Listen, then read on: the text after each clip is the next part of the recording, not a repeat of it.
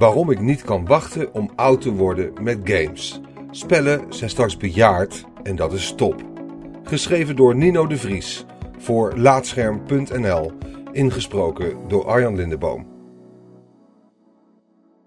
Na de zomer word ik 30 en die gedachte is zo deprimerend dat ik er het liefst zo min mogelijk aan denk. De kans dat ik mijn verjaardag überhaupt ga vieren is minimaal en ik hoop dat niemand na september om mijn leeftijd vraagt. Ouder worden heeft wel één groot voordeel. Het betekent dat ik de komende 30 jaar aan gameontwikkelingen mee ga maken. Nou ja, misschien wel meer dan 30, maar ik moest nu eenmaal een arbitrair getal kiezen. Games in hun puberteit. Games zijn in de afgelopen 30 jaar, waarvan ik er iets van 25 bewust heb meegemaakt, exponentieel interessanter geworden. Tuurlijk, Pong en Space Invaders waren vermakelijke spelletjes, maar het is pas sinds de afgelopen twee console-generaties dat games echt volwassen zijn geworden. Tijdens de PlayStation 2-generatie werd nog collectief naar een vorm gezocht, maar sinds de Xbox 360 verschijnen er steeds meer games met verschillende achtergronden, budgetten en doelgroepen. Zonder spellen als Braid, Journey, Gone Home en Spelunky had ik al lang een andere hobby gezocht. En ik hoop dan ook van harte dat de komende 30 jaar net zoveel verscheidenheid en creativiteit gaan brengen.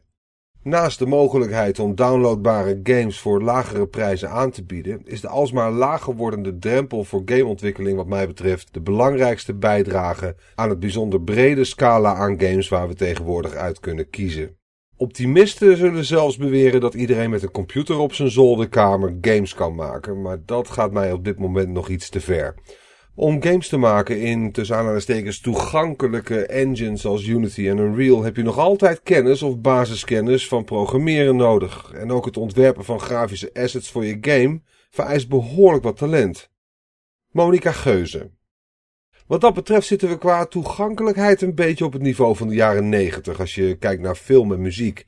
Destijds was het prima mogelijk om met wat vrienden een film of een album te maken, maar het kwam nog lang niet in de buurt van de lage drempel die we nu kennen.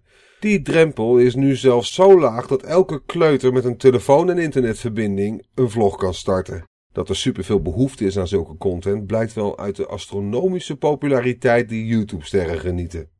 Mijn grote hoop is dan ook dat games maken zo laagdrempelig wordt als vloggen. Niet dat ik per se het equivalent van een Monica Geuze vlog wil spelen, maar ik ben razend benieuwd wat creatievelingen gaan maken als ze niet meer worden gehinderd door het hopeloze vooruitzicht van jarenlange programmeerles. Bejaardenhuis The Game. En wat te denken van het idee dat onze hele generatie is opgegroeid met games en het straks dus nog normaler is om te gamen. Ook het vooruitzicht dat mensen met meer dan 60 jaar levenservaring straks games zullen maken, stemt me hoopvol. De meeste regisseurs leveren immers hun beste werk aan het eind van hun carrière. En ik kan ook niet wachten totdat de huidige generatie ontwikkelaars hun bejaarde games gaan maken. Neem een Hideo Kojima. Decennia lang door Konami gedwongen om Metal Gear games te produceren en nu eindelijk vrij om zijn eigen plan te trekken. Kojima's aanstaande project, Death Stranding, ziet er bijzonder veelbelovend uit en inspireert andere grootheden hopelijk ook om hun droomprojecten van de grond te krijgen. Bijkomend voordeel is dat een ouder wordend publiek meer open zal staan voor experimentele games. Het gros van de grote producties is momenteel nog gericht op een erg jong publiek, maar dat zal over tien jaar ongetwijfeld anders zijn. Gamers worden ouder, maar ook bekwamer en gaan hopelijk op zoek naar moeilijkere ervaringen. En dan heb ik het niet over Dark Souls.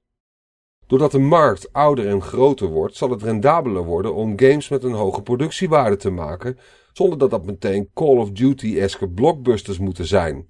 Een game als Death Stranding is zo esoterisch dat het tien jaar geleden nog met een karig budget gemaakt zou moeten worden. Maar anno 2017 is het publiek groot genoeg om miljoenen uit te trekken voor zo'n bizarre game. Op hardwaregebied beleven we al gouden tijden met prachtige virtual reality brillen, krachtige consoles en de Nintendo Switch die ervoor zorgt dat ik overal ter wereld Breath of the Wild kan spelen.